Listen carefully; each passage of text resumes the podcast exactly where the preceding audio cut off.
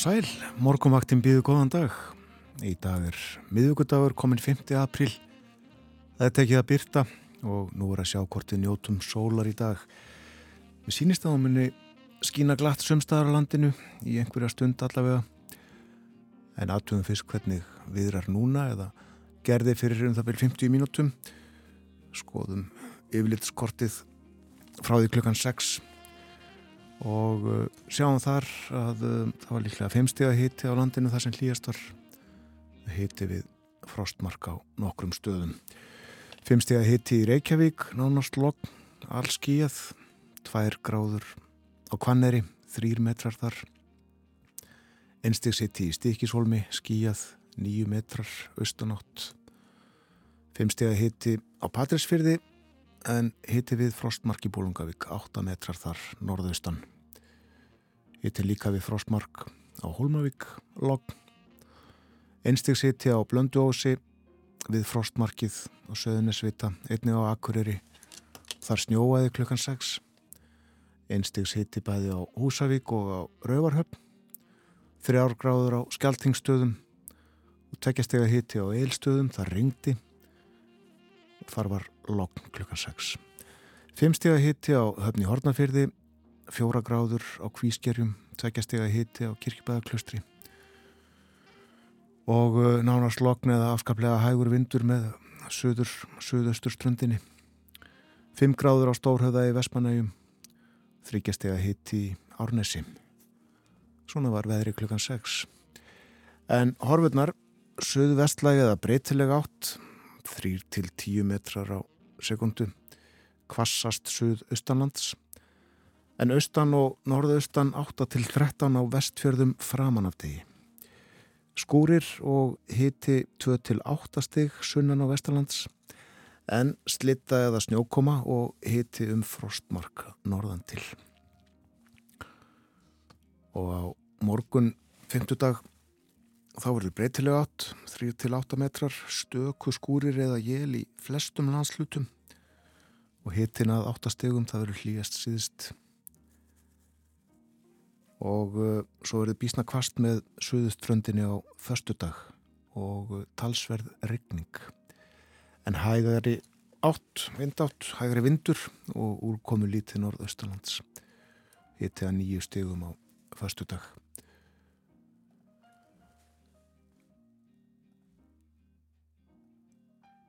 Það er ímislegt á dagskrá morgumvaktarinnar í dag. Við ætlum að tala svolítið um efnagasmál. Ásker Brynjar verður hér með mér. Við ætlum að tala líka um landbúnað.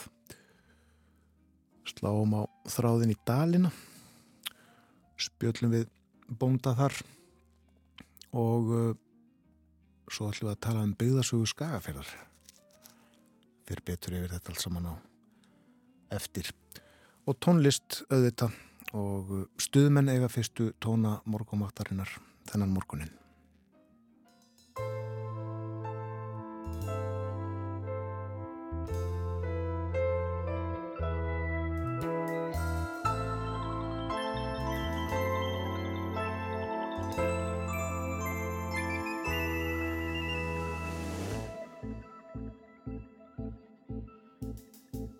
Þar brosti vorið með perur í trjánum Svifum gardinn, veiga og jón Með munnin fullan af hundasúrum Veldu vöngum skellt í gón Þau svifum gardinn í hljóðlátum draumi Lyftu glösum í París og Róm Þú varst Jani og ég var Tarsan að kvöldi dags var pingjan tóm.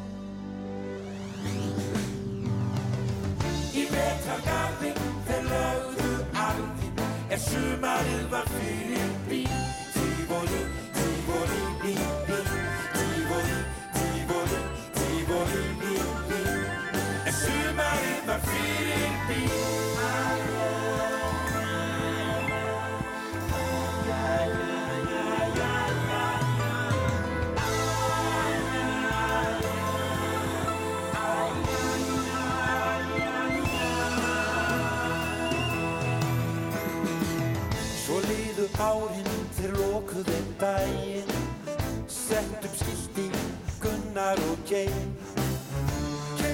drasli og seldu drasli.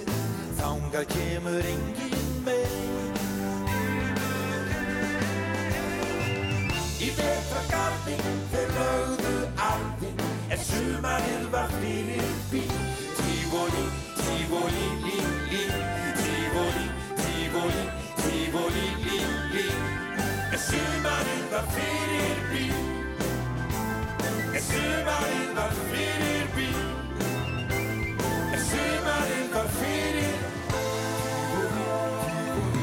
Tífóli, tífóli, tífóli, tífóli, tífóli, tífóli, tífóli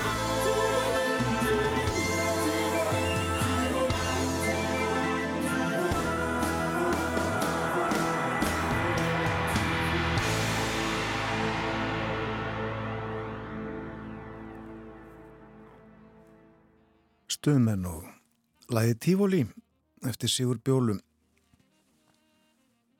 Ekki upprunnilega útgáfan frá 1976 heldur síðari tíma hljóðritt aðeins að tilkynningum frá vegagerðinni það er eitthvað um hálkubletti á Vesturlandi og uh, á vestfjörðum er snjóþekja og jæljagangur á þröskuldum og steingrimisfjörðarheiði einnig á innstrandarvegi og hálkublettir víða á vestfjörðum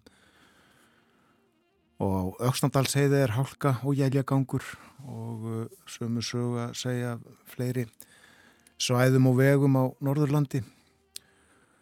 Snjóþekja og jæljagangur er á Þverarfjalli og Vaskarði og uh, snjóþekja er á Mývasheiði og Fljótseiði hálkublettir og jæljagangur á helstu vegum á Norðausturlandi.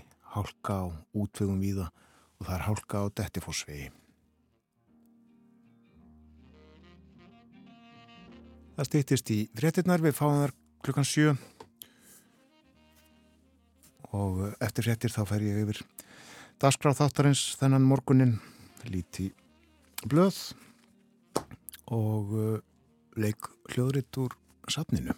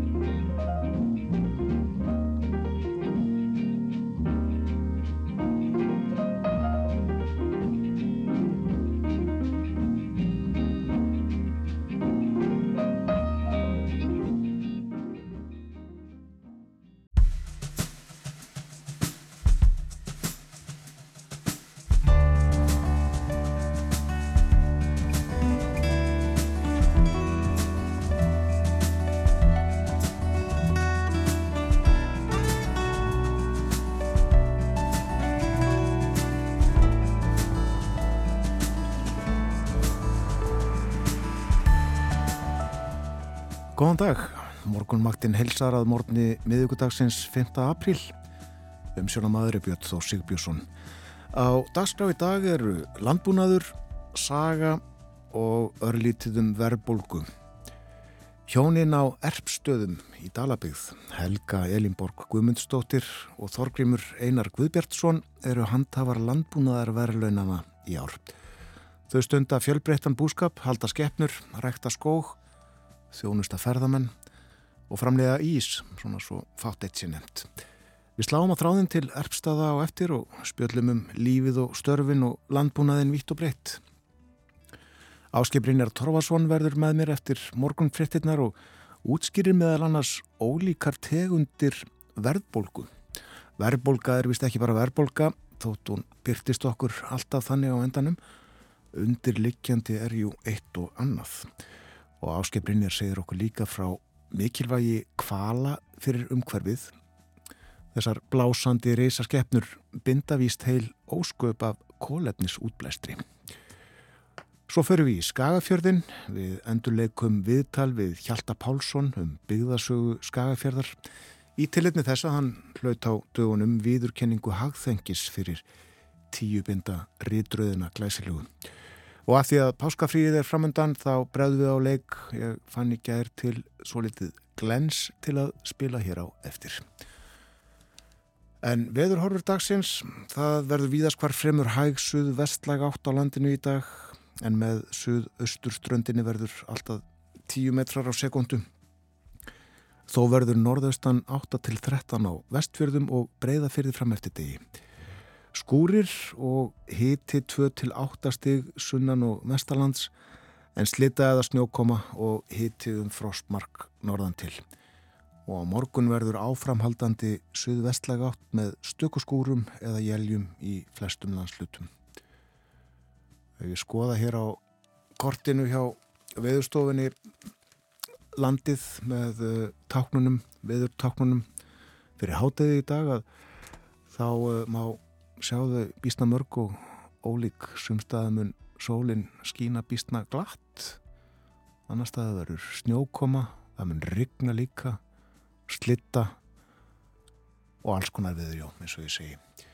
Hef aftur yfir skeitin frá egagerðinni frá því morgun það er eitthvað um halkubletti á Vesturlandi og uh, það er snjóþekja og jæljagangur á Þröskuldum, Steingrinsferðarheiði og Innstrandavegi og hálkublettir hann að svíða á Vestfjörðum og það er hálka og jæljagangur á Öksnadalsheiði og víðar á Norðurlandi, eitthvað um hálkubletti snjóþekja og jæljagangur á Þverarfjalli og Vaskarði og það er snjóþekja á veginum Mývasheiði og á Fljótsheiði og hálkublettir og jæljagangur á helstu vegum á Norðausturlandi, hálka og útvegum víða. Þetta er það sem við höfum frá vegagerðin þennan morgunin. Vittum í morgunbladið, uh, forsýðmyndin tekinn við höfustöðar Atlasharsbandalagsins í útjæðari Brussel í Belgíu í gerð þar sem að aðild Finnlands að bandalaginu var fagnað. Finski fánin dregin að húni í fyrsta sinn. Og fjallaðan um þetta ítalega í fréttunum í ger Atlas Hassbandalægis ríkin eh, þá 31 og eh, þrjú ár síðan að eh, ríki gekk síðast í bandalægið það var Norður Makedónia áður var það svart fjallafland 2017 og Fjölmörg ríki hafa gengið í Allarsasbandalægið á þessari öld og rétt undir aldamót Allarsasbandalægið mjög breytt frá því að var stopnað 1949 það eh, voru tól ríki sem mynduðu það á sín tíma og svo hefur verið að fjalla um lánamál hér á fórsíðu morgunblaðsins sviftingar á íbúðalunamarkaði eh, samhliða vestnandi efnaðashorfum og segir þrátt fyrir að verbulga sé mikil og ljóst að hún vari áfram um nokkurt skeið þá leita lántakendur í auknumæli skjóls frá síhækkandi greiðslu byrði óverðtriðra lána með því að færa sig yfir í verðtriði lán. Og þróun er þessi þrátt fyrir að raunvegstir óverðtriðra lána hafa verið neikvæðir í nokkur tíma. Greiðslu byrðin svimandi há í sum tilvikum eins og við höfum fjallaðum hér í þessum þætti og víðar í fjölmjölum síðustu ja, mánuði. Og uh, farið ítalega yfir þessi mál hér á fórsíðunni og inn í blæðinu og dregnar fram hagtölur Sælabankans og, og fleira Við tökum upp léttara hjál Þessi vinnuvika er stutt í annan endan margt fólk á fimmdaga frí framöndan og uh, við skulum sprella eins af þessu tilefni, hlusta á grín. Byrjum á útvarpi Mattildi. Útvarp Mattildur næst á dagskráni er þátturinn eftir hádegið í umsjá Jóns C. Gunnlaugssonar. Já, góðan dag. Þetta er hjá útvarpinu, þátturinn eftir hádegið. Þetta, er þátturinn eftir hádegið. Mætti, mætti ekki býður að velja lag í þættinum? Halló, þetta, þetta er þátturinn eftir hádegið. Góðan dag. Vi, við hvað tala ég? Tíu.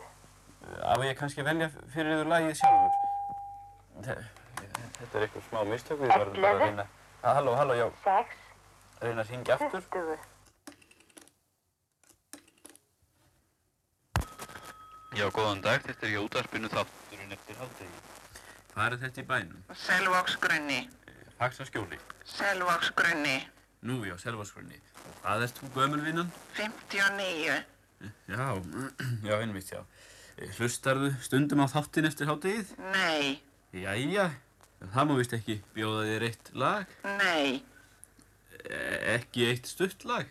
nei, Má ég þá bara ekki velja fyrir því lag í staðinn? nei, Já, það ætti að vera til. Því miður þá var þetta lag nú ekki til, en ég ætli í staðinn að spila rassinn úr buksónum. Davíð Ótsson, útvarp Matildur frá, uh, hvað, 1972, 1-2, eitthvað svoleiðis með minni það. Úlend, Úlendoff. Sæl. Ég kom með harsóðin egg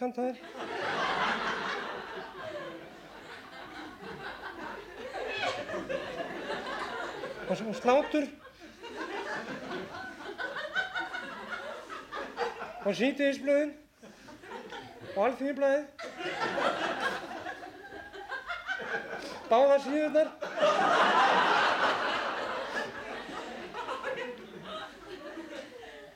Eyjólfur. Já, ætlaði ekki að hjóla yfir þig. Ey- Eyjólfur. Harðsvoðið slátt. Eyjólfur, ég, ég skal aldrei hjóla það eftir. Harðsvoðið egg og slátt. Er það ekki eftir leið? Hvað? Harðsvoðið egg og slátt. Hva, hvað er það? Fyrst hjólar þið yfir mig, stingur svo af og kemur svo með harðsvoðið egg og slátt. Jó, ég, ég þorði ekki annað en að stinga af, ég held að við kannski mitt þig.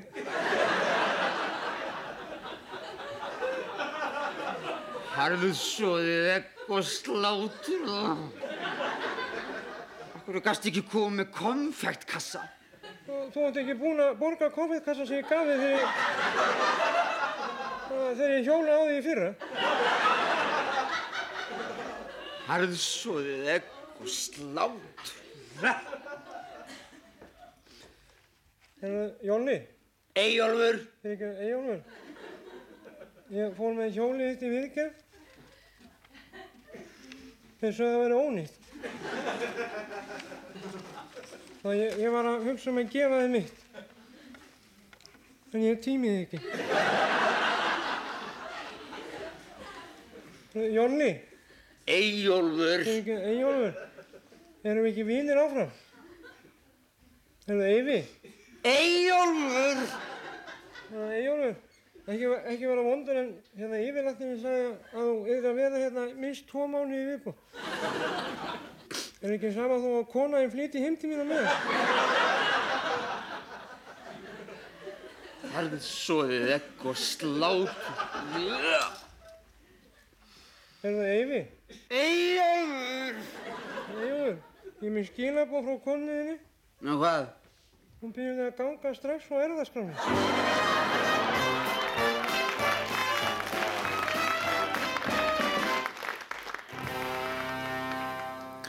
Úlend, Úlendoff. Og uh, hér er uh, aðeins meira Úlend, Úlendoff. Já, læknamistöðum, góðan dag. Já, er þetta hjá Barða Brynjáls, húð og handlækni? Já, get ég aðstofa nokkuð? Já, ég var þarna hjá honum í morgun. Getur verið ég hafi glemt þarna blárósóttum krepnarböksum. Býttu aðeins, ég skal aðtóa málið aukna blikk. Nei, því miður, þær eru ekki hérna. Ó, þá hef ég glemt þeim hjá tannlækninum.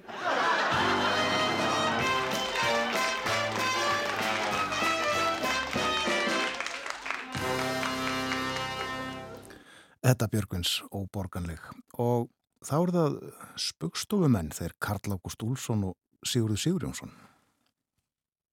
Og þá er komið á úslitakeppninni í spurningakeppni framhaldsskólana. E, til úslita í kvöld áttu að keppa mentaskólinn í Sundi annars vegar en það reyndist ekki und þar sem að þar voru allir í Sundi og Flensuborgarskóli hins vegar en þar höfðu allir lagst í Flensu. Nú því reyndum við að fá hingað nefnendur úr Hagaskóla en þeir gátt ekki haga sér almennilega og síðan var reynd að ná í Hlýðaskóla en þar á fólk afskaplega erut með að hlýða svo að þetta fór bara út í tóma vittlisu.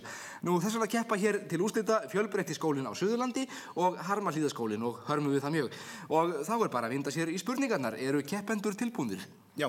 Og dómarinn til? Já, já, já, já. Og við minnum á að nú gildir að vera snöggur að svara því tíminn er naumur.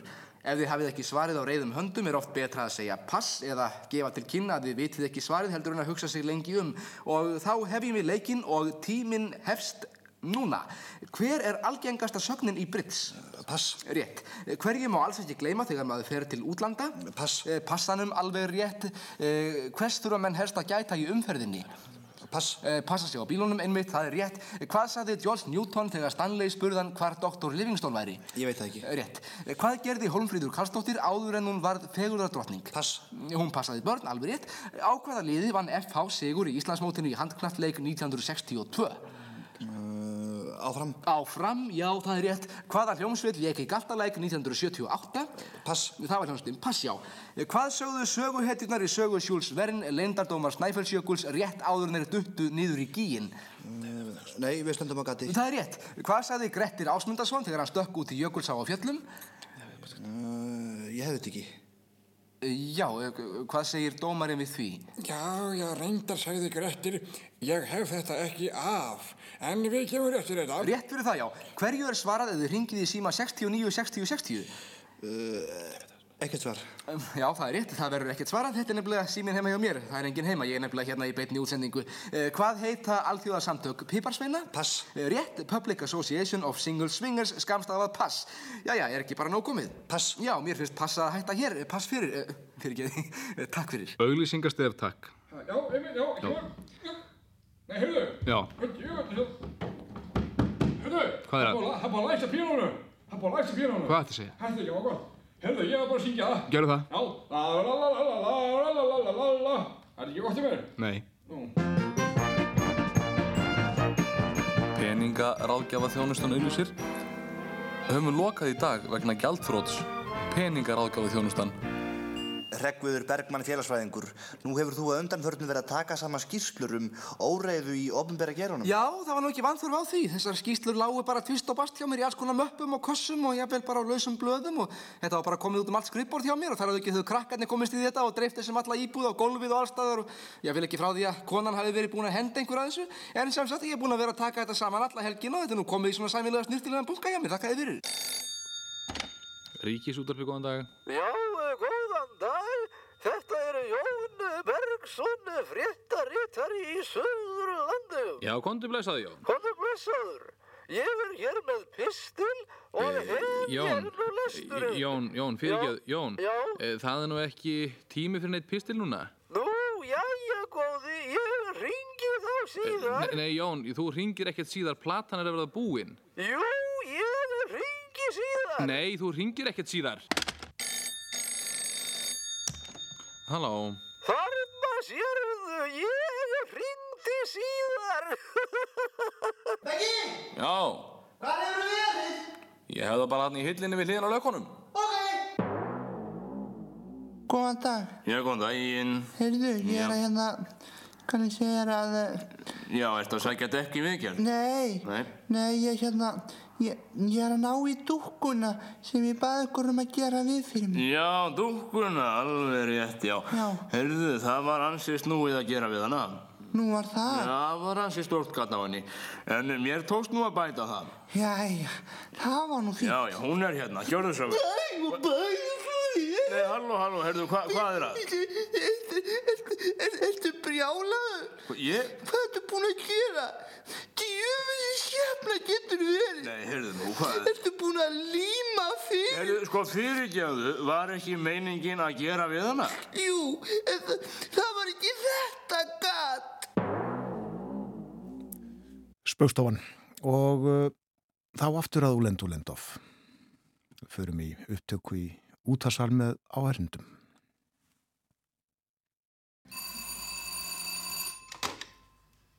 Já, halló. Já, halló. Já, halló. Það er kviknað í hjá mér. Er kviknað í hjá því? Það var leiðinlegt. Já.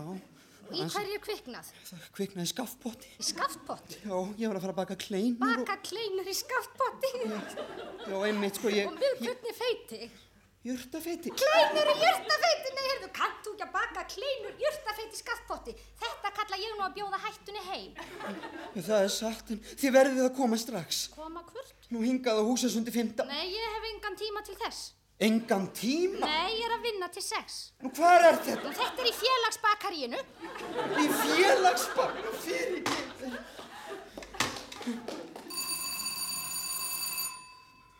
Lörgluvarstofan. Nú, fyrirgefið. Fyrirgefið hvað? Fyrirgefið hvað? Ég, ég ætlaði að ringja... Ringja hvert? Ringja í slö...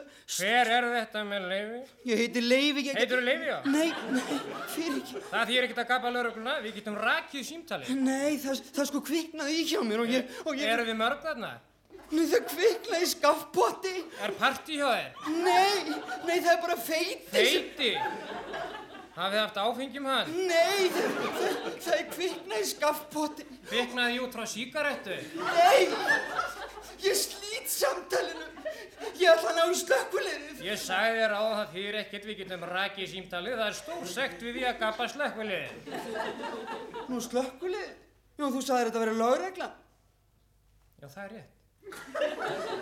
Reyndu þá að ringja í slökkulegðið.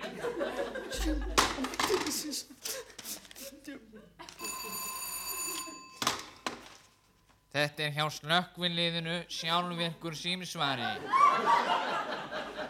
Gefið nafn, nafnnúmer og heimilisfang, eðli brunans og afliðingu ef þegar er orðin. Í dag verður lokað hjá slökkvinliðinu vegna ásáttíðar. Miðar sendir við brunaútgangin, vinsamlegast talið á sóninu.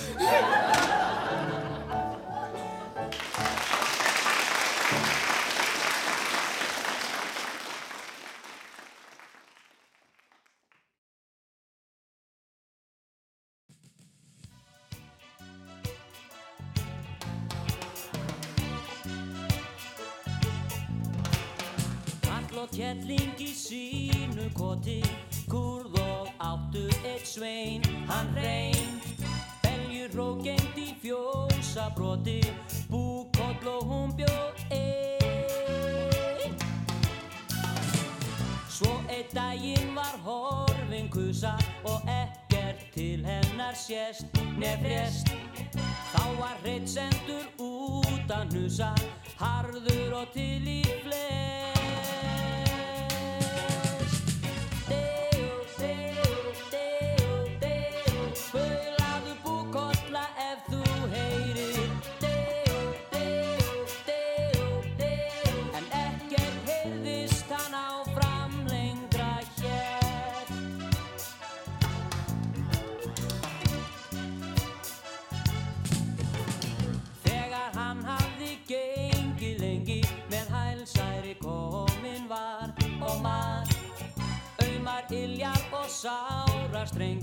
stóð varð í lappirna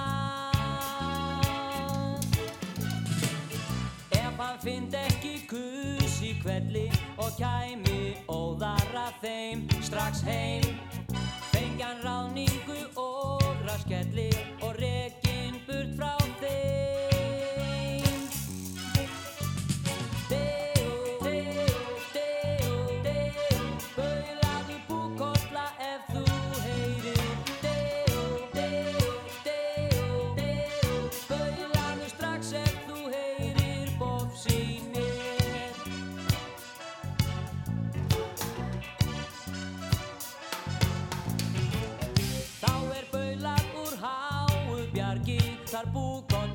bundin við grjóð með fólk.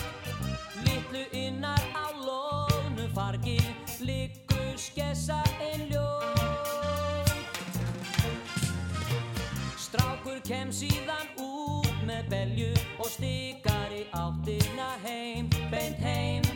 En skessan vaknar og sípur hverju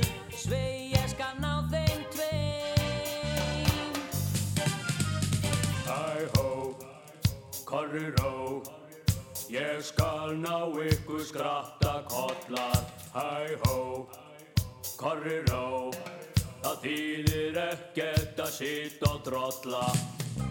Þegar skessan var alveg að ná þeim, sagði strákur, hvað eigum við að gera? Og þá sagði búkolla, Mi, taktu hár og hala mínum og leiðu á jörðina. Verðu það þá á svo stólu vatni að enginn kemst yfir nema fugglinn fljúandi. gerði strákur þetta og var úr þetta líka ekki smá vatn.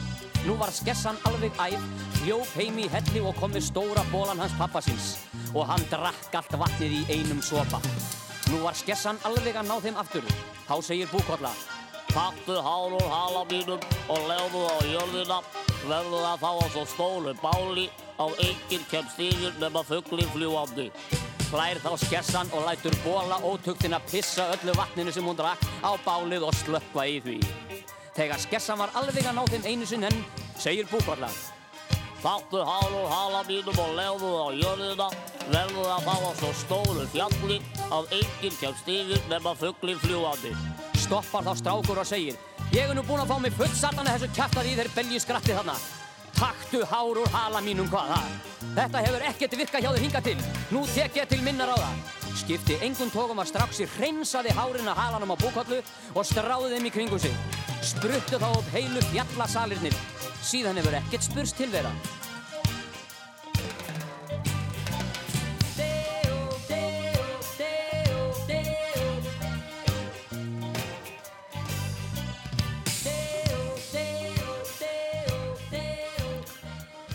Útgáfa latta af æfintýrinum Búkollu.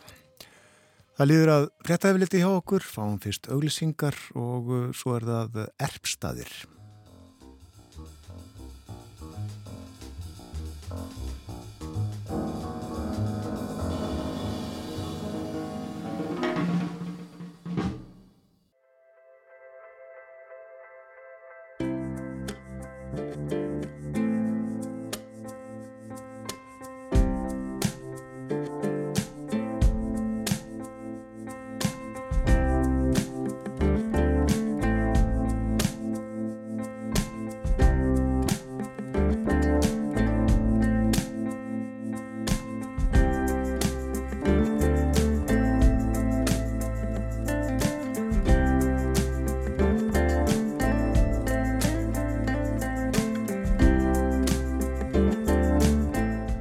Aftur þér að hlusta á morgunvaktina á Rás 1. Það er miðugudagur í dag klukkan núna réttliðilega hálf átta.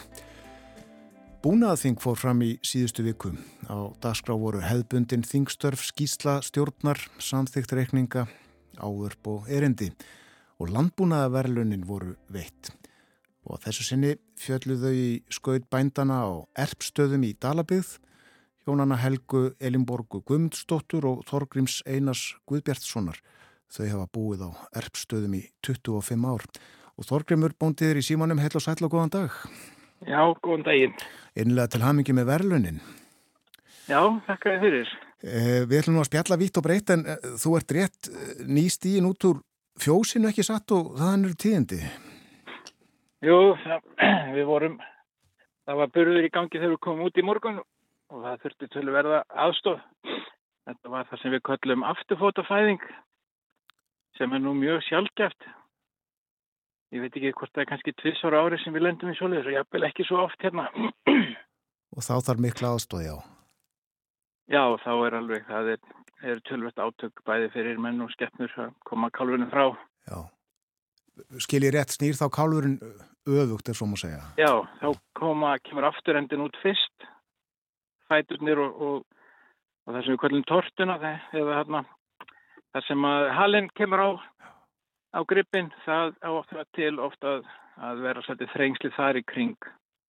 Þannig að það er svolítið, og þetta er náttúrulega allt mjög þröngt og það bjargar ég bara, ég með smágerðar hendur, þannig að þetta, já, smígur oft vel þess vegna. Og gekk allt vel? Þetta hafðist, en kálfurinn kom döður, döður fyrir einhverju síðan, sko. Æj, æj, æj. Það er bara eins og það er Já. En það var engin merki um það, þið vissuð ekki hvað stemdi? Nei, nei, nei. Það eru allt og mikil bröð að þessu í ræktinni hérna á Íslandi það sem kallað er kalvadauði og, og það er nú mjög sjálfgætt sem að afturhóta kalvar koma lifandi. Það er yfirleitt að búin að vera einhver aðdragandi af því, af þeirri fæðingu. Þessi til dæmis var komin einhverja þrjá, fjóra daga fram með tal en samt sem áður hafði hún ekki sínt neina einkenni þess að hún væri að fara að bera sko. Maður býður alltaf eftir því að það er fara svona að sína það, þá tekur maður svona af sig og, og, og skoðar á þeim en þessi var bara átt bara sinn mat, drakk sitt vatn og hefði þessi eins og aðra kýr þannig til við komum út í morgun þá lág hún bara Já, kálvadauði algengur segur einhverja skýringar á því? Nei, það er mér að ég held að sé rétt í mér það sé bara hreinlega verið að rannsaka þetta hvað er það sem veldur og, og ég var nú á fundi í gær hérna í Nuttgrafræftafélagin okkur hérna í, við Breiðafjörð og þar var Egil Gautarsson ráðnutur og, og lektor á Landbúrnháskólanum á Kamnir. Hann var með erindið með þetta nýja erðamengi sem var verið að taka í nótkunnuna á síðasta ári. Það lýsir sig þannig að þá eru tekinn DNA síni úr kálfinum strax þegar við setjum í hann erðnamerkin og þá er hægt að skoða það, þetta er yfirlega sett í kvíkur, þá er það skoðar og, og þeirra kynbótamatt byggt upp á þessu erðamengi sem að kemur í ljós Þannig að þá sér maður mjög fljótlega, til dæmis þegar kálverðin er orðin að kú og á að fara eignast fyrsta kálverðin, þá getur maður valið nöyt með hliðsjóna því hver eru brestir erðamengis kýrinar eða, kvígunar. Já. Og eitt af því sem þeir voru að tala um að þeir getur vonandi að fara að rannsaka núna með þessu, það er að finna það út hvort það getur verið einhvert ákveði gen eða ákveðin gen sem valdi þessum kálvadauða. Þetta er, þetta er með, með mest á móti hérna, held að sé réttum að þetta sé bara alveg um 10% fættra kálva sem eru, sem að koma döðir. Já, það er svo hátt hlutvall. En svo að himbúið það eru líka mjög misjónandi milli, milli, milli bæja. Já. Já, mikilvægt að komast til boss í þessu. Já. En svona er lífið í sveitinni? Lífið í sveitinni? Mm. Við fengum ekki einu svona njóta þess að taka móti viðkenningunni á sínu tíma því að þá ringdi róbotinn þá hafði rafmagnir fraf hérna í sveitinni og það fór eitthvað pikli sér af og meðan þannig að þegar við vorum í komin nýra sviðinu þá fyrstum maður að skjótast í, í tölvuna og ég held að tímbali ég er að keira heim bara hennilega og, og gera þetta en ég á nú góða nágranna hér sem að gáttu hlaupundi bakka og ítt og takka og, og, og leiðbent svo þjónustu fulltrúða frá umbóðsæðalunum til að komast til botni í þessari villu sem hafi komið upp. Þannig að þetta fór allt sem að vil en, já, já. en þetta er bara, svona er bara lífið. Þetta er ekkert frábrúðnara lífinu hjá öðrum kannski að þýleitinu til að, að það eru það er alltaf eitthvað sem getur komið upp á en ef við göngum útrúðið sem vísu við sem erum bændur að það kom eitthvað upp á þannig að öll okkar plön þau miðast við það og það er það er alltaf langu listi af verkefnum sem býður og það fer eftir meðal hans veðri, hvað þú gerir í dag. Þú er kannski búin að skipulegja í gæra að það kemur fram. Að veðspanna það verður rosalega gott veður og þú ætlar að fara að mála eða eitthvað og svo næst þetta hafa bara greinandi rigning og þá þá þýðir ekkert að halda. Sér við það plan að mála þá gerir maður bara eitthvað annað og, og svo var eins og í morgun ég ætlaði nú bara að hafa það náðut og ná andanum vel og hann ég fer í spjalli við þig en ég fekk nú alltaf að reyna á líkamann. Já, akkurat. Akkurat. Já, já, þetta er svona. Og þú ert hálf, móður, heyrðis mér bara eftir, átökinn. Já, já, þetta, þetta, þetta voru tölver átök. Já. En það þurfti ekki dýralækni núna það slapp til. Já. Þið hafi búið á erfstöðum í 25 ár, er það ekki? Segð okkur áður með tölum um, um lífið og störfin hjá ykkur í dag. Hvernig var starfseminn á erfstöðum þegar þið hófuð þar búskap? Þegar við komum hérna 97, þá var nú einn ein til dæmis aðal ástæðan að við keftum þessa jörg var svo hún var þokkulega vel byggð. Það voru byggingar hér íbúðurús og gripahús bara innan við eða um 10 ára gömul og ágættið spúrekstur, 24-5 kýri fjósi og 80 litra framlegslu réttur og, og uh, þetta er sveit sem við þekkjum bæði, kona minn er úr þessari sveit og ég er hérna úr dölunum vestar. Þannig að við þekktum þetta svæði og vissum að við vildum vera hér og það kvarlaði ekki að okkur að við værum að fara inn í svona mikið breytingar og framfara skeiði landbúnaði eins og við höfum gengið í gegnum á þessum 25 árum. Það þið- verður bara að segjast alveg eins og er að ég held að þetta, ég átti til dæmis aldrei vona því að í mínum búskap er byggt nýtt fjós þar sem að það var nú á þegar nýtt fjós á bænum. Já. Já, þið höfðuð svona, sáðu fyrir ykkur að, að reka búið um það bara eins og það var. Já, við sáum náttúrulega fyrir okkur stækkun. Það er yfirleitt þannig þessi gangur hérna að á svona 10-15 ára tímabili þá, þá stækka bú með einhverja hlutdelt og til dæmis hérna 1970 þá voru hér um 10 kýr, 1980 eru það konar í 20 og svo komum við hérna upp á 90 þá er rétt tæplega 30 og nú eru það konar í 60, rúmlega það. Já. Það nú sér þetta er bara svona gangur. Já, já. Já, já. Og þið eruð, uh, já, uh, með mjölkubú og, og uh, rækti líka skó og svo takið á móti ferðamönnum og, og framleiðið ís líka, og eitthvað fleira kannski. Já, við framleiðum ísa og, og, og osta,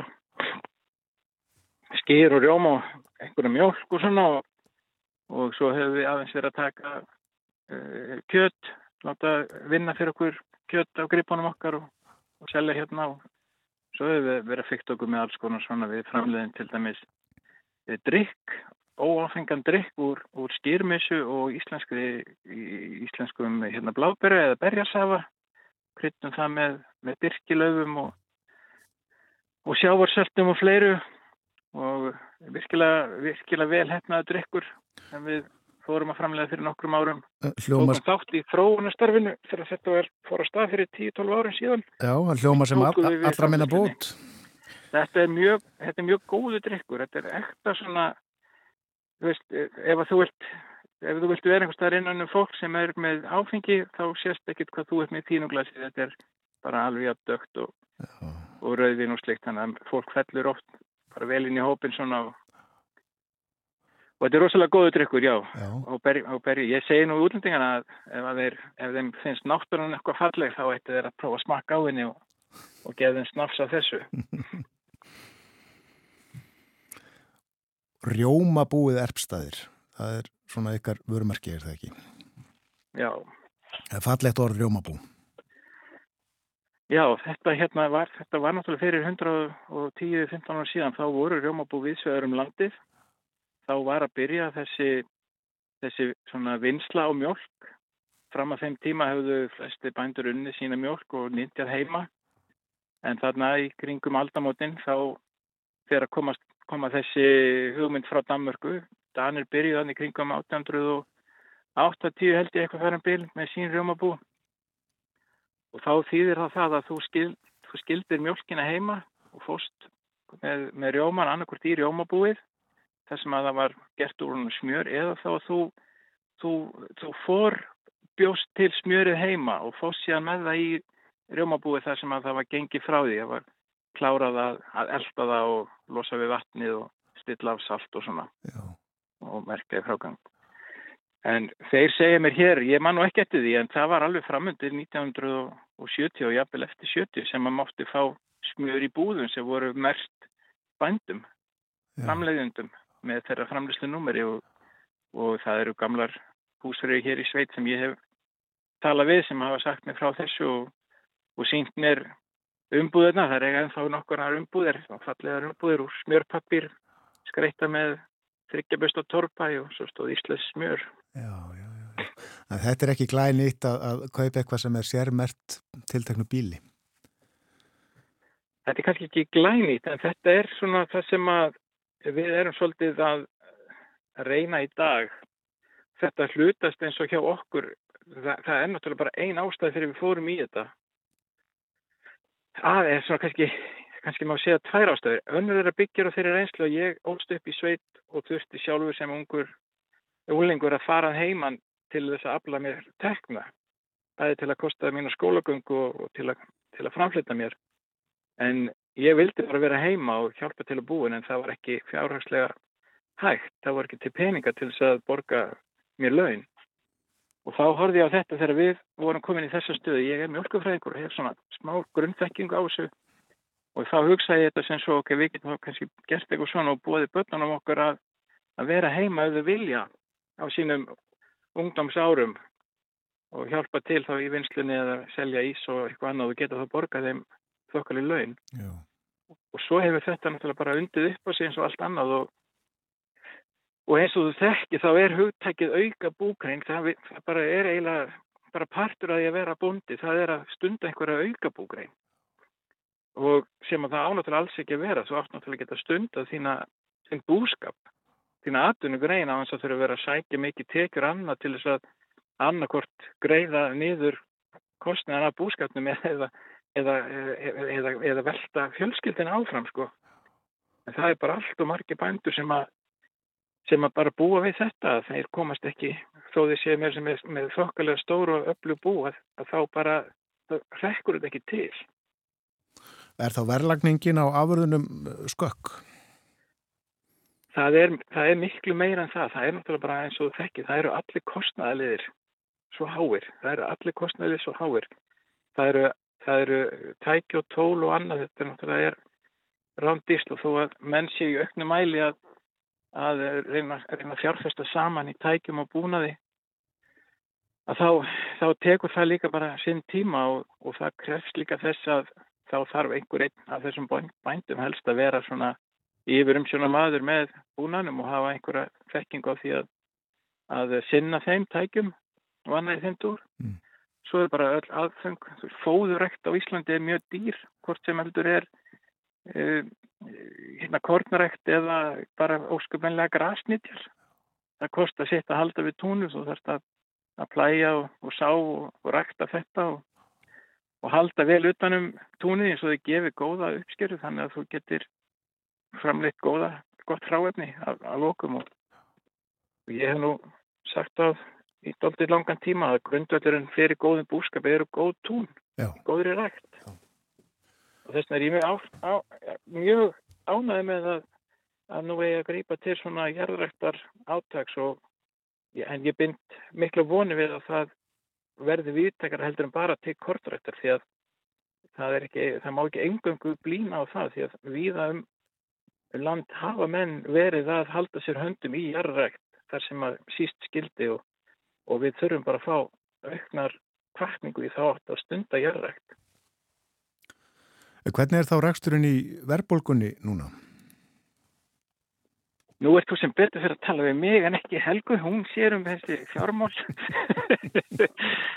Þannig að ég svona, ég veit það bara ekki, ég horfi ekki, ég horfi ekki þangað, ég er nú reyndar, ég er reyndar svo lau- lausna með það yfirleitt að ég finn alltaf einhverja svona leiðir til þess að, að leiða hjá mér bæði neikvægt tal og, og neikvæðan veruleika svona í kringum mig. En, en auðvitað er þetta verulega íþingjandi og, og ég veit þetta er náttúrulega liggur þungt á öllum sem hafa staðið í fjárfestingum upp á síðkastið.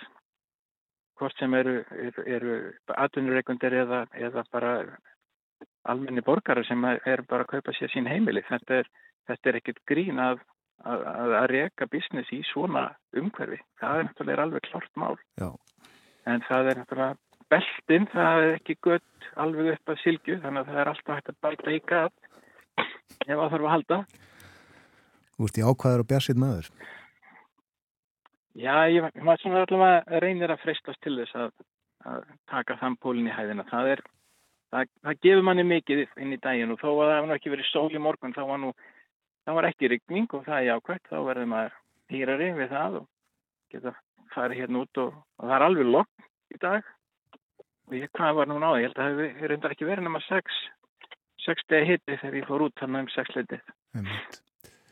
Það er gott að vera bóndi í dölunum, uh, drýpur smjúra hverju stráið þar?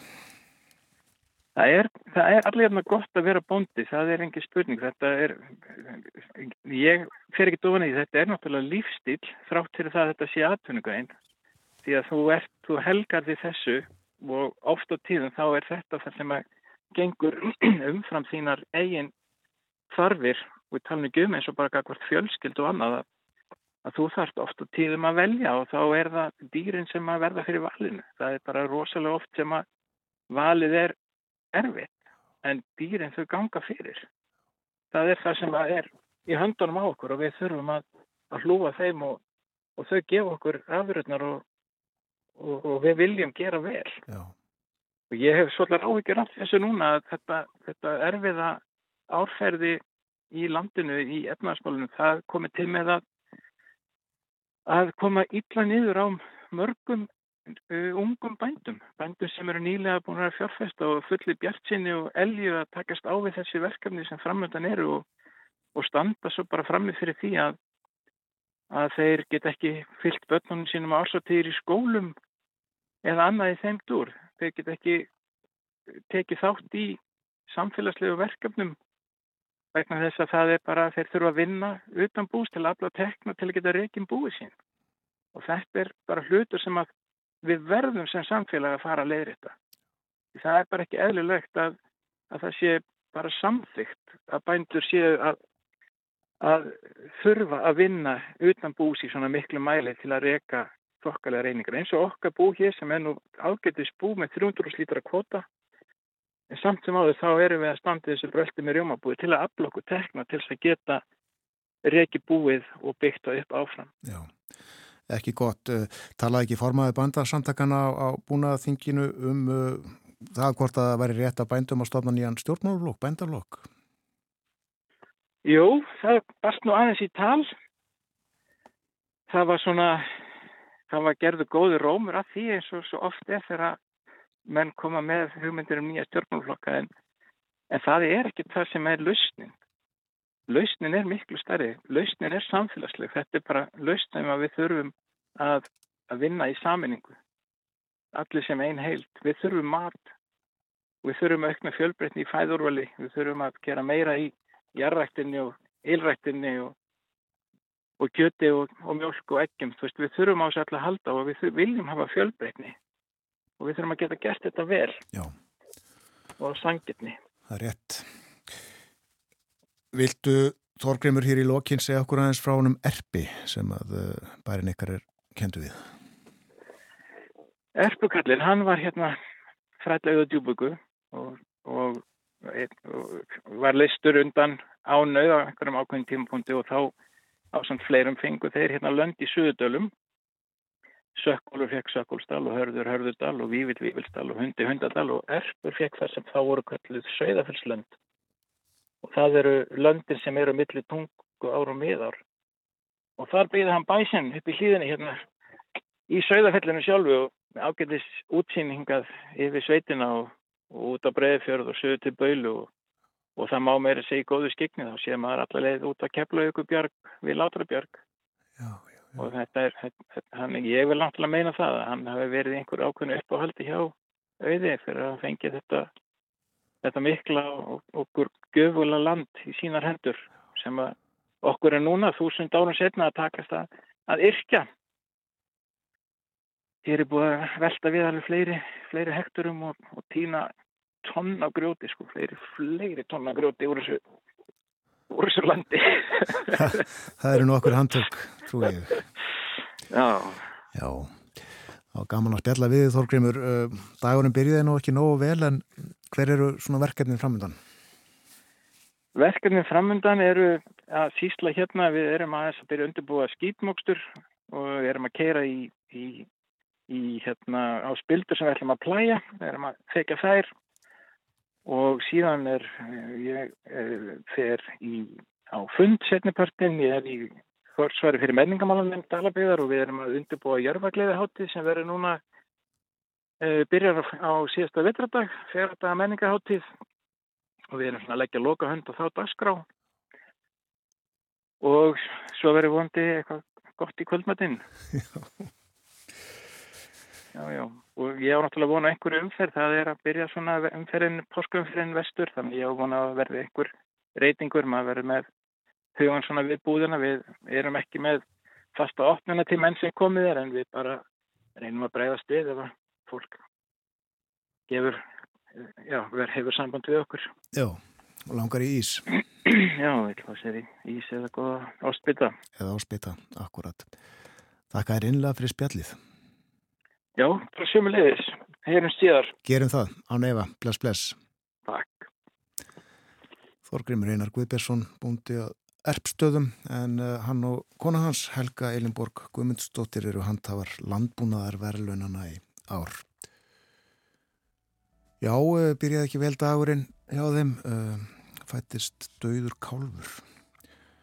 Og Þorgrimur nýkominn fjósinu að taka á móti honum þegar ég ringdi hann. Svona er lífið í sveitinni, getur verið allavega.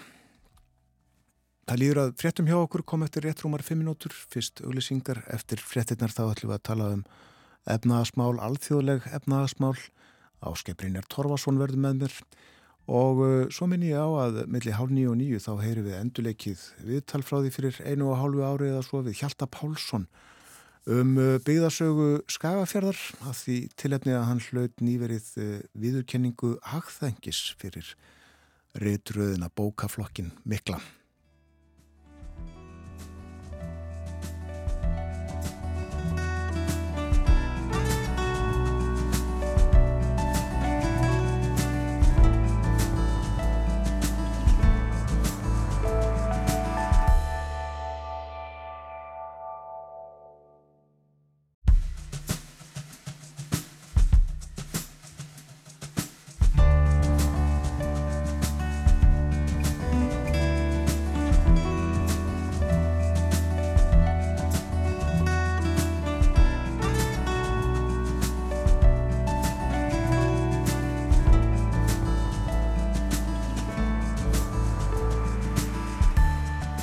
Aftur þegar það hlusta á morgunvaktina á rás 1 klukka núna farin að ganga nýju það er miðugudagur í dag 5. april og frí framöndan 5 daga páskafrí hjá mörgu fólki Þorgrymur Einar Guðbjartsson bóndi á erpstöðum var á línni hjá okkur áðan sað okkur frá uh, lífinu og tilverinu á bænum erpstöðum í Dalabygð þau hjóninn Þorgrymur og Helga Elinborg eru handhafar landbúnaðar verðlaunana í ár.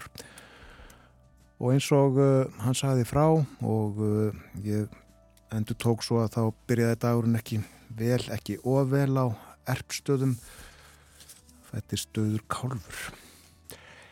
En uh, hér á eftir þá fyrir við í Skagafjörðin við ætlum að endurleika viðtal við Hjalta Pálsson um byggðasögu skagafjörðar, tíu binda rétröðina sem að uh, Hjalti og fleiri skrifuður einar en uh, Hjalti hlaut í síðasta mánuði viðurkenningu hagþengis fyrir byggðasögu skagafjörðar.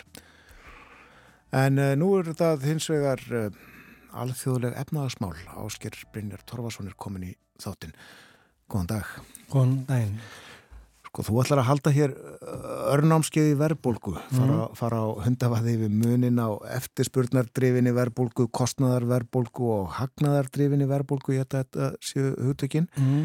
Eh, fleira er á efniskránu hjá okkur. Eh, mér langar fyrst, allra fyrst að tala eins um vakstahækkanir, eða kynningu á vakstahækkunum. Ásker Jónsson, Sælabankastjóri, hefur sinn hátt við kynningu þegar hann skammar okkur almenning fyrir að fara í ferðalög til útlanda og spara ekki nóg sendi líka stjórnvöldum og verkar í seifingunni pillur mm. eh, en starfsbræður hans í, í öðrum bönkum, sælabönkum, til dæmis í Bandaríkjunum, Breitlandi, Evróska sælabankanum, eh, hvaða hátt hafa þeir á?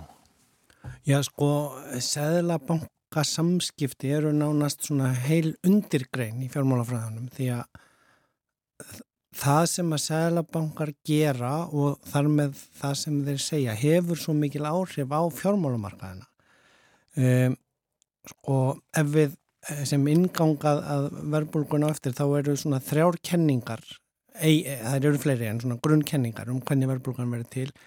Peningamagskenningin er einn uh, og síðan er það Philips-kurvan um samhengi millir atvinnu og, og verbulgu og, og síðan er það verbulgu vendingakenning og, og það er á, á því sviði sem samskiptin hafa svona mikil áhrif. Þar að segja hvað er sagt? Og það talað um hérna eh, svona framvirka leiðbeiningu í skíslunum, forward guidance heitir það á hensku, eh, framsýn leiðsögn er það líka þýtt sem það er að segja að þeir eru að gefa til kynna í yfirlýsingum penningastöfnumdar og, og, og svo hann eru lesnar, fundargerðinar, þær eru stundum aðeins eftir á sem þeim er sleft því að þetta eru markaðinir að, að meta til þess að já, reikn út hvort að verðbúrgan sé að fara upp eða niður, hvort að vextinu muni fara upp eða niður að vera óbreytti. Þannig að, að þess vegna er, já það eru sérhæfðir blaðamenn úti sem fylgjast með þessum fundum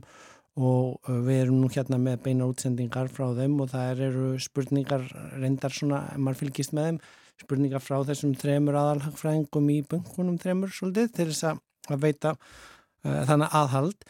En, en svona uh, að því ég hef nú fylgst með þessu mest í Evrópska, Breska og Bandarska selmankona síðan að ég var í, í námi þannig fyrir tíu árum sem ég kláraði í Svíð og þá, þá uh, sko er samskiptin hjá þessum stóru selbankum snúa mest snúa mest að fjármálamörkuðunum. Uh, að því að það og, og, og svo er það reyndar að, að þá annars og þriðastiks afleggingarnar af því yfir til almennings Ef þið er að tala til fjárfesta Já, Já. að því að sko e, til dæmis eins og í bandaríkjunum þar eru húsnæðisskuldir um, e, með förstum vöxtum til 20-30 ára Danmörku líka Þannig að, að það snýr meira að því sko, fjárfestanir sem eru að kaupa og selja þessi bref. Bandaríski selabankin á mjög mikið af skuldabrefum íbúðalaðurna sjóðana þar. Eh, þannig að þannig er, er, er eh, já, þeim bynd til að halda uh, stöðuleika á efnaðslífi heimilana. Um, en auðvita um, í, í þessari sögu sem við höfum verið að fara í gegnum síðustu 10 ár, þá hafa, frá fjármárhundinu síðustu 15 ár, þá hafa náttúrulega selabankarnir verið svolítið mikið í því að bregðast við afleðingum hrunsins og á stundum kvartað óbeint og jávelbeint um að ríkistjórnina sé ekki gera nóg. Það er að segja að þeir get ekki verið eini aðilina og þetta var þegar við vorum eiginlega í öfu ástandi við núna þegar að nullvextinnir voru og menn voru komin inn í botn og, og þurftu þá að finna upp nýja leiðir með þessari magbunnu íhlutun og kaupa skuldabrið þegar gáttu ekki lækkað, en fóru síðan meiri sennir í mínusvextina eins og mannst við vorum að tala um fyrir bara svona 2-3 árum. En, en, en sko þannig að sko það sem að, Sælabankaminn segja hefur alltaf skipt miklu máli, það var að tala um Alan Greenspan sem var nú mjög lengi í Sælabankstjóri bandaríkjum, hrukkunar á ennin og honum getur haft áhrif á hlutabröðamarkaðin eh, Bernanki sem kom á eftir hún var nú meira svona þauðli típa, hann fekk Nobelsvölinni fyrra. Eh, en En Draghi til dæmis, ítalski selabangstjórn í Evrópska selabangstjórn sem bjargaði Evrunni með örfám orðum þegar hann sagði fyrir 11 ánum síðan. Við munum gera allt sem þarf, whatever it takes, ræðan.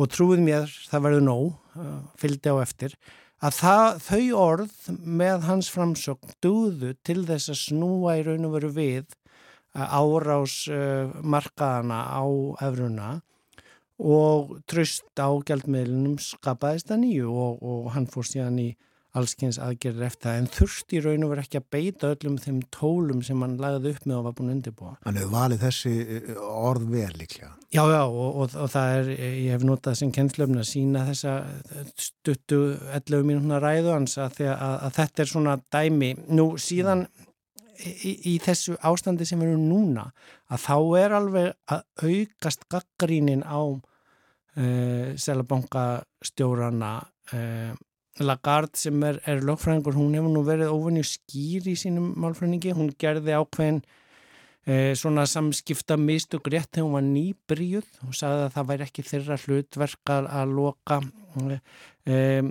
kostnaðarbilinu á milli ítalskra ríkiskuldabrjöf og þískra og markaðinir fríkuð alveg út hann og raug upp álæðið á Ítalsku ríkisvöldubröð og hún þurfti að halda fund eftir blagamannafundin til að og, og aðstofa selabankstjóran er að ringja í alla helstu bankastjóra um Evrópu þannig að það er alveg sko auðvitað er þetta mannlegar verur sem gera mistök en það, það, það, er, það er sko getur haft miklar afleðingar ef þið segja smáræðis ránt eins og það getur haft gífulegar afleðingar ef það tekst vel til. Já.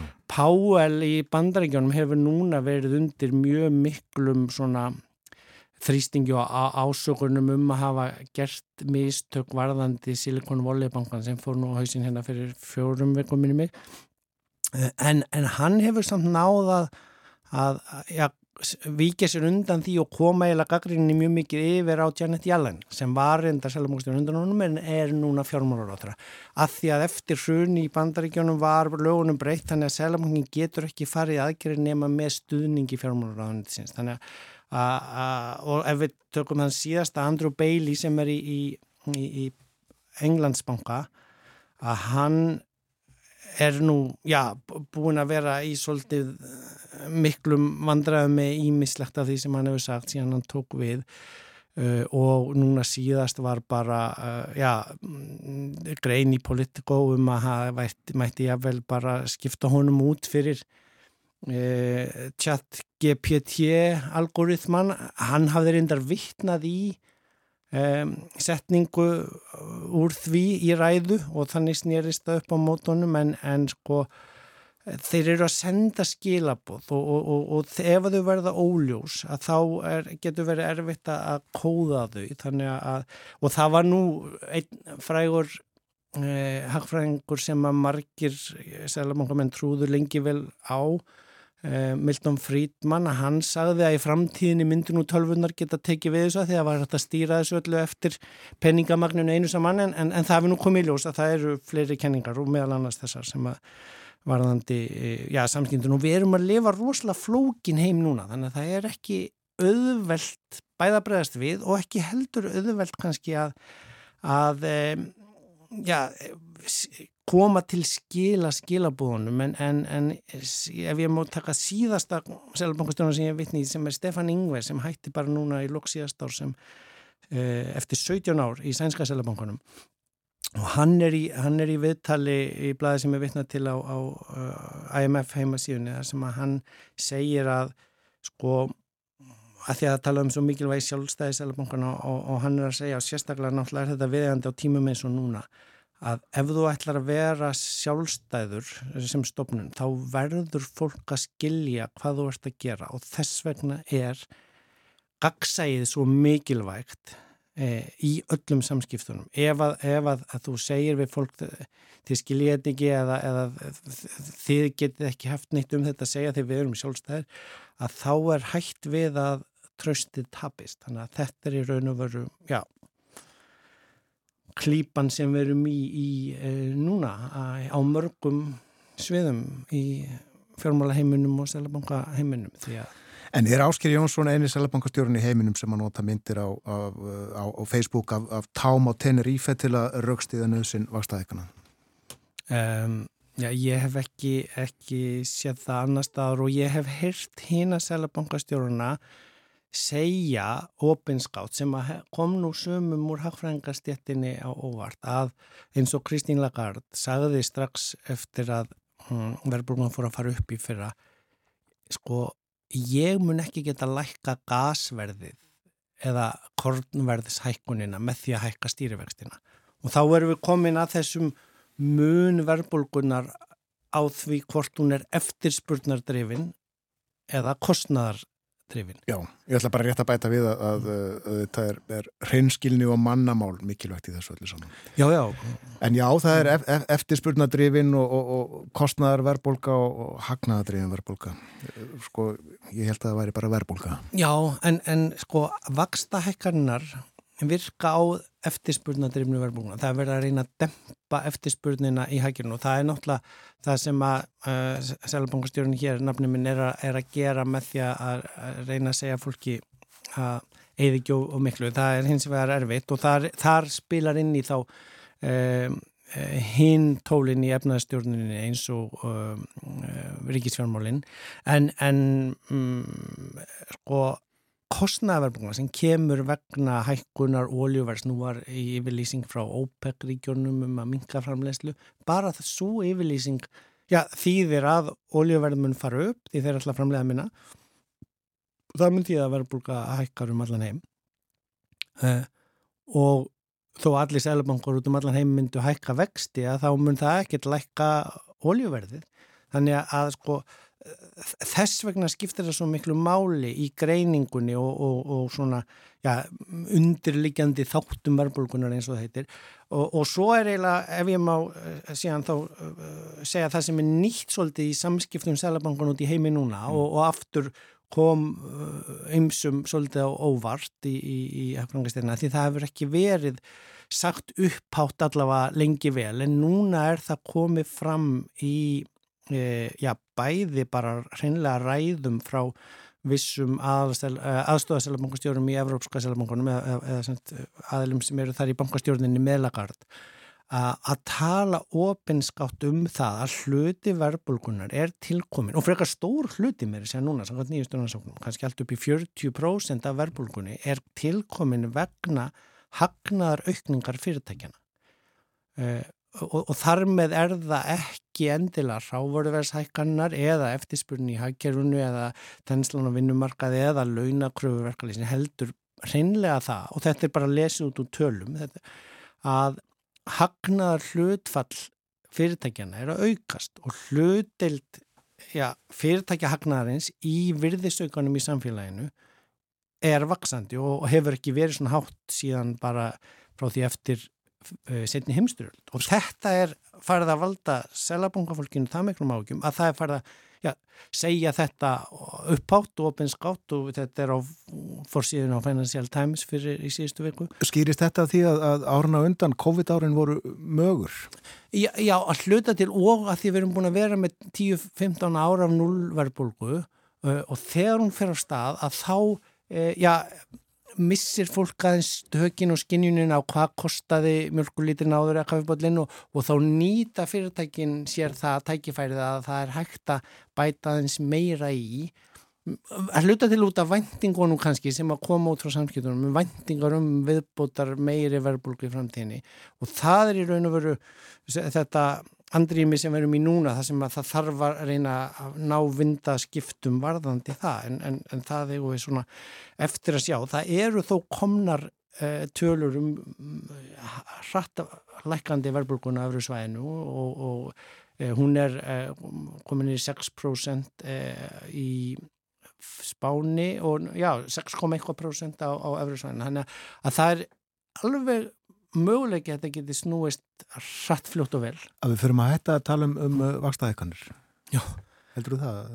Já, sko. Að kemur einhvern tíman að því. Myndu en, en, það, myndu það. Verðbólgan er ekki einhver skeppna eða náttúrulögmál eða ófreskja.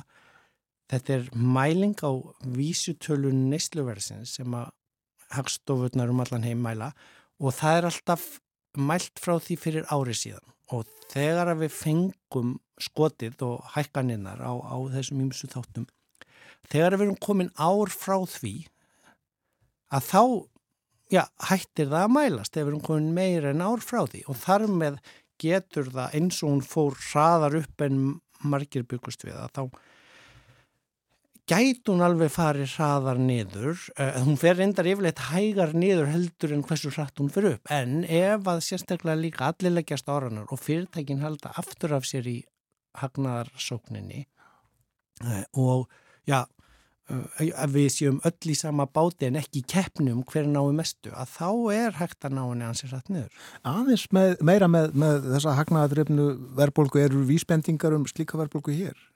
Mm, ég hef ekki séð eh, nú góðar tölur eða talnagreiningu í, uh, á því en, en, en þetta er eh, sko öll selabankasamskipti út í heimis heimilgjast með er alltaf lagt áherslu á. Þetta er data driven við byggjum þetta á gögnum og, og já, núna er við í þessu rosalega óvennilega ástandi sem allt fjármálakerfi heimsins er í sem við sáum í banka hrunum hér og þar og, og fleira þess að það er rosalega svona endur jöfnun úr trilljónir dollara í kerfinu þegar að vextir eru orðnir jákvæður um allan heim.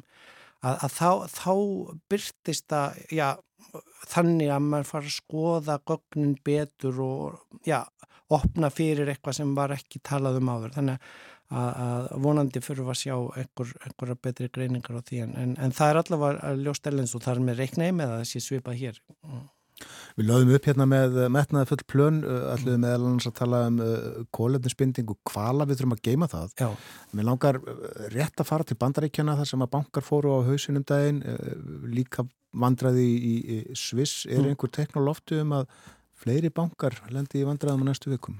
Já, uh, það, maður vil kannski ekki vera spáði en það er augljóst af þessari já, endur röðun efnaðarsreikningana sem er að gerast í heiminum og, og því að álæðið er að flytjast, uh, já, hver er að bera tapið, að, að, að það, það verð, það mun ríkta í fleiri stóðum og, og já, þeir sem að lenda vest í þessu eru kannski þeir sem að tóku mestu áhættinu og ég myndi núna bara úr gömlum viðtölum sem ég átti þegar ég var í doktorsnáminu í Svíðu og við, við bankamenni, ég tók viðtöl við 60 bankamenni í Skandinavíu og, og einn gamal reyndur sagði við mig þegar ég spurðan já en er, er ekki hérna um, já, þetta var svona eftirfylgningsspurning hjá mér, er það ekki hlutverk bankastjórnans að hámarka verði bankans og þar með ætti bankin að vera hámarka hagnað sinn?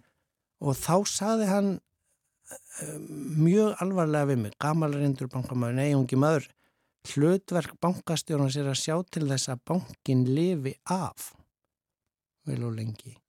Þannig að þeir bankar sem eru velreknir, þeir lifa léttilega af í svona ástandi en þeir kannski þeir sem voru að taka ómiklar á, áhættur og sækjast eftir ómiklum hagnaði að þar mun já, reyna á hvort þeim verði bjargað eða hvort þeir verði látnir falla. Þakkaði fyrir í dag Áskiprinjar Torfarsson Og að því að við nefndum þessi ferðalög, þessar, þessi orð yfirlýsingar, þetta er nú í einhver, einhver leti sko glensja áskeri í Jónssoni en, en auðvitað alvara undir með myndindar frá Tenerife að við heyrðum í fréttanum aðan að bílastæði við keflaðuguflugull þau eru uppseldum páskana.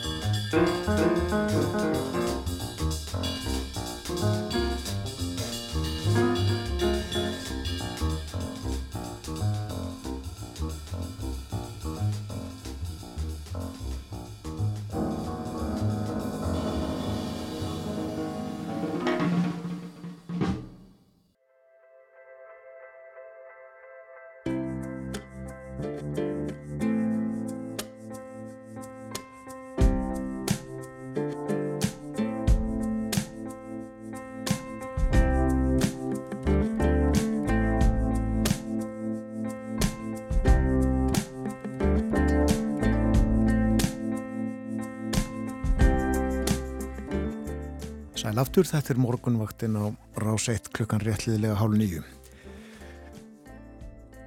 Viðurkenning Hagþengis var veittu miðan mass. Hagþengir er férlag höfunda fræðiritt á kennslugagna og hefur viðurkenningin verið veitt frá 1987. Að þessu sinni hlaut hana Hjalti Pálsson fyrir byggðasögu Skagafjörðar. Öll tíu bindin.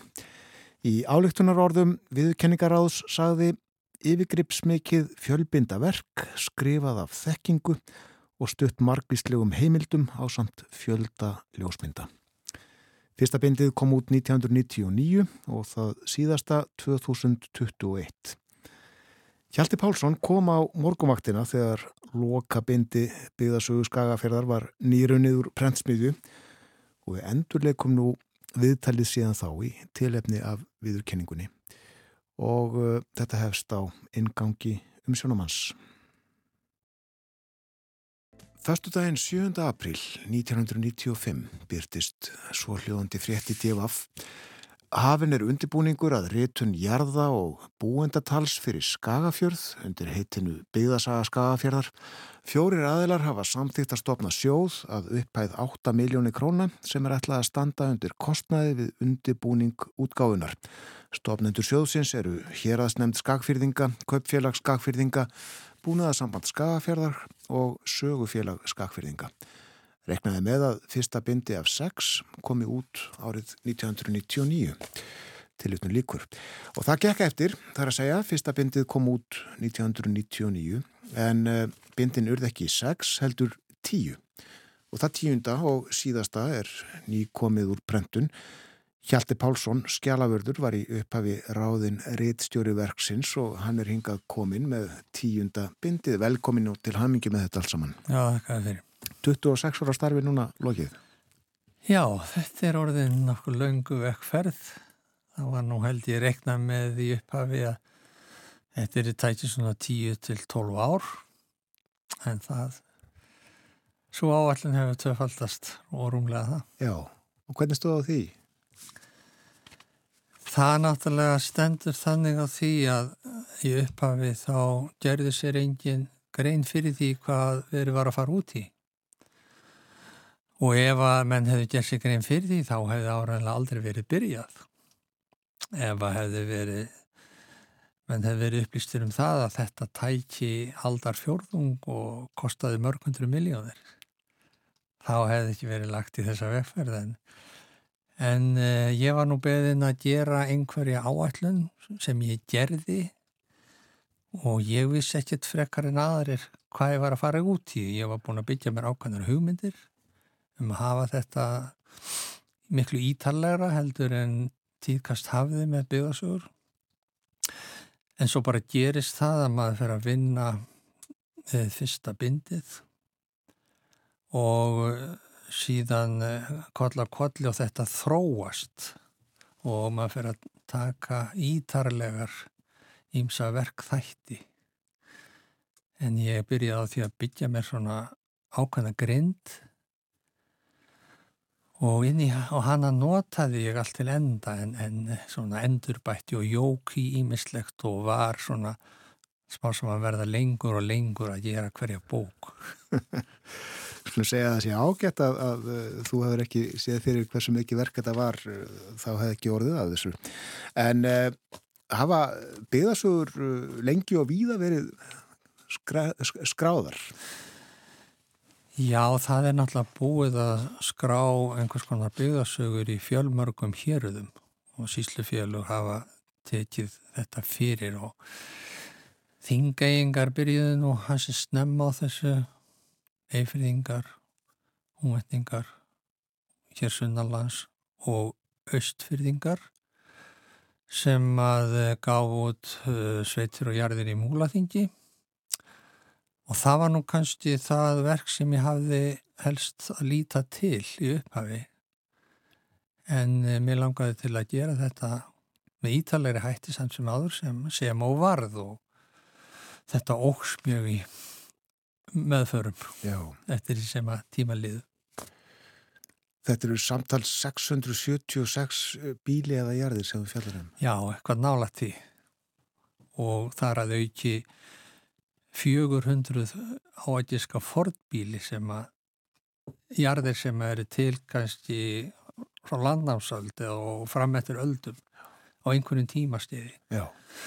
Þetta búindatali miðast við árið 1781 þá við höfum manntalsbækur aftur að þeim tíma þannig að það er hægt að rekja ábúendur allt aftur til 1781 til ásins 2021 það er sem sagt 240 ár sem að með.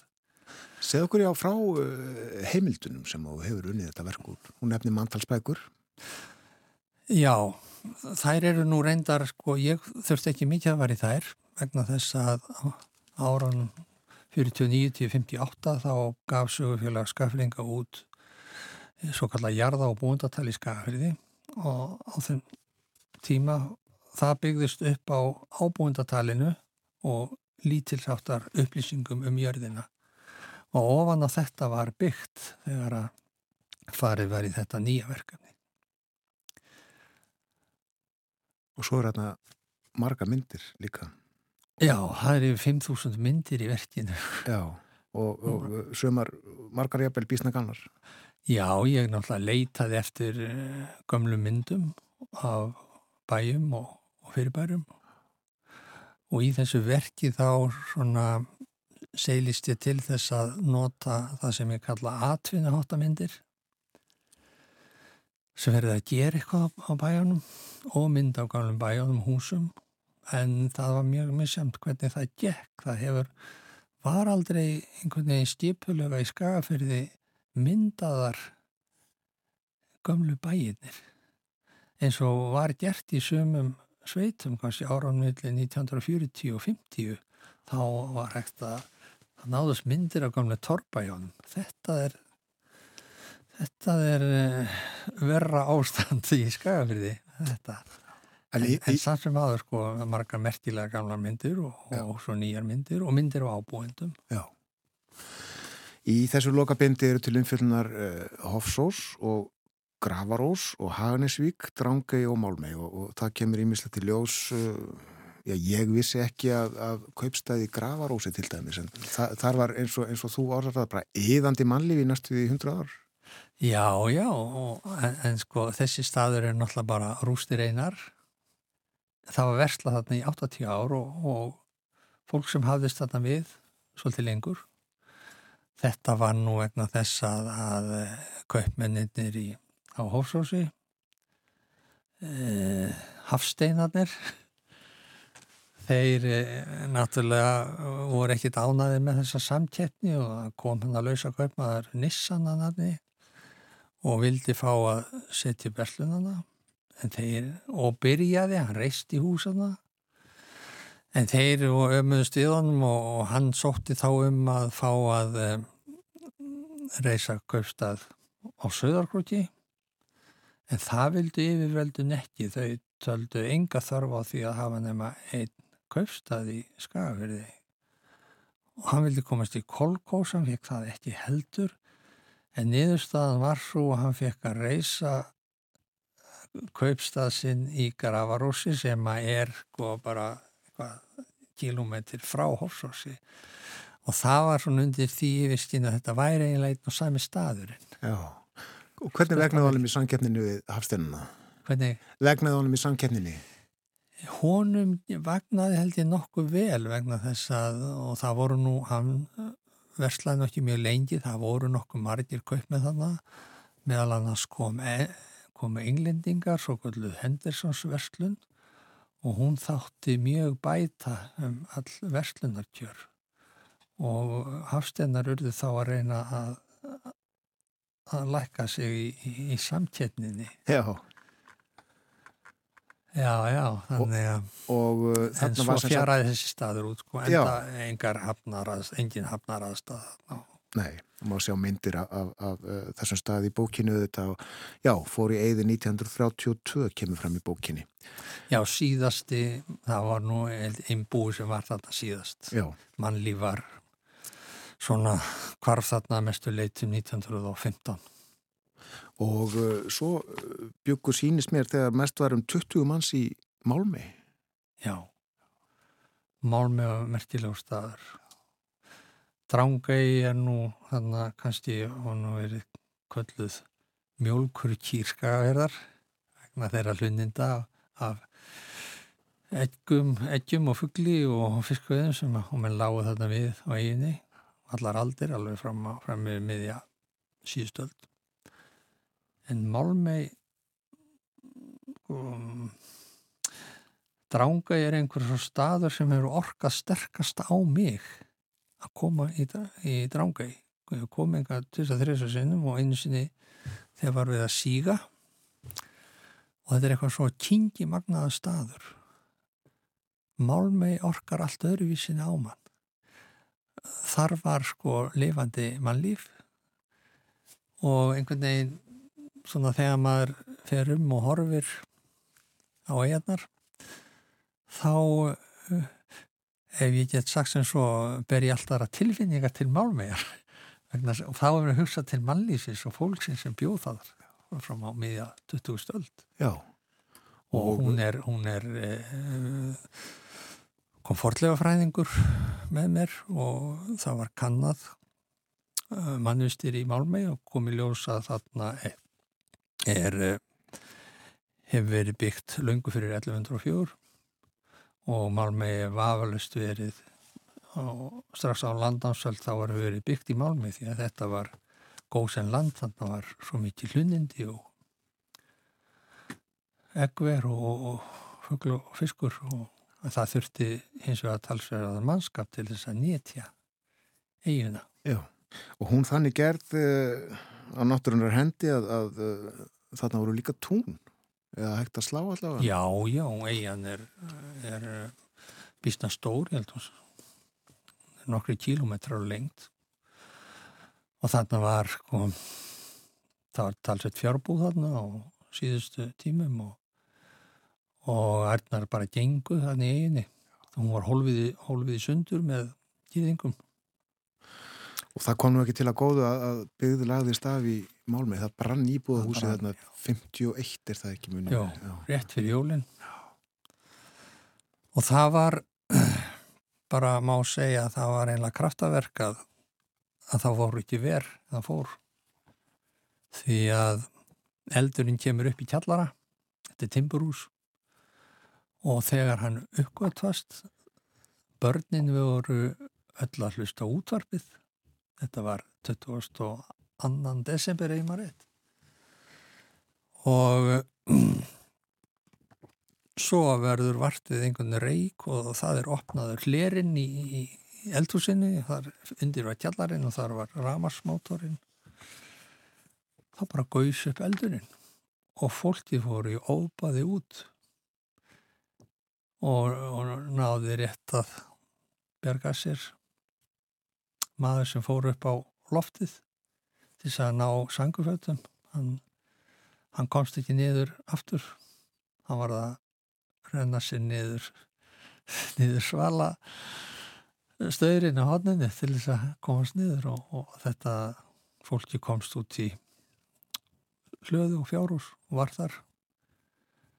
Hefði eldurinn komið upp um nóttina þegar allir voru komnir í svefn og öðru hæðinni þá er ekki að sögum að spyrja. Því að húsi var alelda bara en leið. Þurrt timburhús.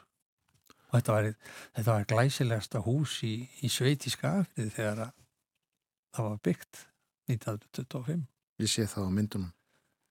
Og í hópni var Úlvar Þormóðsson þekktum að það í þjóðlífinu. Einmitt. Og það er þess að mynda á hann þannig í, í, í tóttválum Já Mart sem kom þér á óvart sem þú uppgöttaðir við, við skrifin á tíundabindinu? Nei, kannski ekki það, sko ekki það, það er nú um, sko, Er það að segja okkur að þú vissir þetta alls saman? Nei, ég meinti það ekki þannig en jú, jú, auðvitað kom, já, þegar að, það er litið uppgöttaði náttúrulega margt heimildu þannig og það var hægt að tala sko heila klukkutíma bara um málmi. Já. og þarna er til dæmis kannski einni út, það er þannig sett upp útvarp. E, Artur Kúk var e, frumkvöðul í útvarsrekstri á Íslandi og, og hann kemur í málmi. Og Grímur nokkur Sigursson sem var uppeldistrengur í málmi hann byrjar á því að hann verður hugfangin að þessu og hann smíðar útvarp og það er sett upp útvarstöng og uh, hann verður síðan útvarsvirkja á Akureyri. Og já, það er er mikið saga um þetta. Já, svo er mikið lífi í Haganesvík Já. Já, já, það er en Haganesvík kemur send til sem verslunarstaður, það er ekki fyrir um aldamót. Og er þannig náttúrulega mikið mannlíf en uh, nú held ég að sé engin með lögheimiliðar lengur.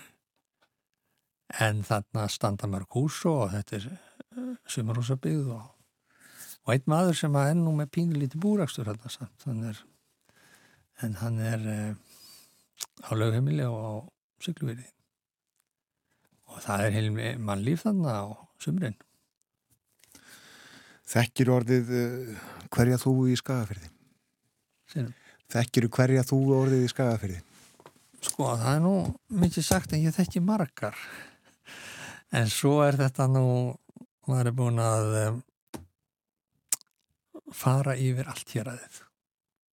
Og maður læri svona í stórum dráttum alla dali og, og fjöll og læki eða ár og, og jarðir. Svo maður einbeitir sér á því svæði sem maður er hverju sinni. Um, það er náttúrulega en svo þegar að maður sko er búinn á því svæði þá kemur maður það kannski ekki meir og, og fer að á næsta svæði. Þannig að þannig að þetta gengið, maður er heimilisvinnur á sumum bæjum, búin að koma oft. Og svo bara hættir maður að koma þanga þetta er svona eins og það má segja það þegar maður hættir að hafa gott af fólkinu þá kemur það ekki meir. En þetta sér þær skýringar náttúrulega að maður er bara þarf að fara frá einu svæði á annað. Og það er svo gott með það að, að sko mér finnst hefur alltaf fundist það svæði áhugaverðast sem að var að vinna á hverju sinni þannig að ég tek í raunin ekkert fram yfir annað það hefur hver svæði sinn sjarma og sitt sérkenni og þessi var skipt nýður eftir reppamarkonum gömlu. Já. En svo er nú rétt að taka það fram sko að e, þetta er náttúrulega ekkit einsmannsverk.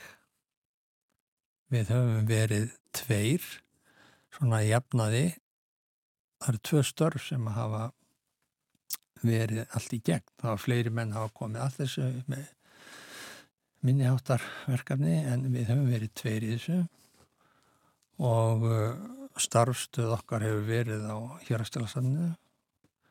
Þar hefur við notið mikillar á góðrar fyrirgreyslu og ég var nú sjálfur hérastjálavörður þegar þetta byrjaði. Og þar hefur verið, þar hefur verið heimildavinnan unnin. En eh, ég sem ritsjóri hefur náttúrulega borið ábyrðið á þessum texta og gengið frá honum. En þetta hef ég unnið mikið heima hjá mér. Já, uh, rittstjóri og aðal höfundur Hjalti Pálsson frá Hofi en uh, höfundar uh, efnis að auki Egil Bjarnason, Kári Gunnarsson og svo Kristján Eiríksson sem að skrifaði um drángægi. Hann skrifaði um drángægi nú. Já, já. Hvernig líður þér þegar þessu mikla verki er lokið að baki 4620 blaðsýður að texta á myndum? Ég er eiginlega bara áskaplega fegin. Það Þetta búið að taka hel mikið lengri tíma heldur en á alltaf var og uh, það má kannski segja maður hafa einhver liti verið þræll þessa verkefnis en það er sjálf valið og ég hef haft þetta mikla ánægja því að gera þetta. Maður getur ekki unnið svona verk nefn að hafa áhuga á því. Og uh, þá má líka og það var merkilegt að mann skildi takast að klára þetta. Það var ekki sjálf gefið. Það hefur verið lagt upp í með stóra hluti og ekki teitt að klára það og svo hefur fjármagnin verið þólinnmótt að endast til þess að halda þessu gangandi. Já, og þú uh, kannski þakka bara fyrir það að, að skagafjörðurinn er ekki stærri en hann er með, með fleiri jörðum. Það var gaman að, að fá því hingað Hjalti Pálsson uh, aftur til hamingi með þetta uh, byggðarsaga skagafjörðar hefur nú verið skráð. Hjalti Pálsson endur leikið viðtal frá 15. desember 2021 í tilipni þess að Hjalti hlaut nýverið viðurkenningu hagþengis fyrir byggðarsögu skagafjörðar.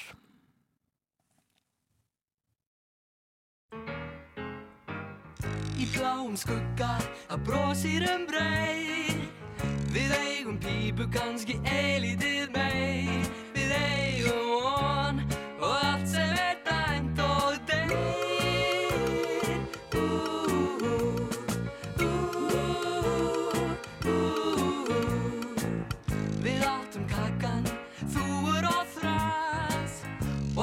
dreytil í tímans glas. En hvað er það? Á við gott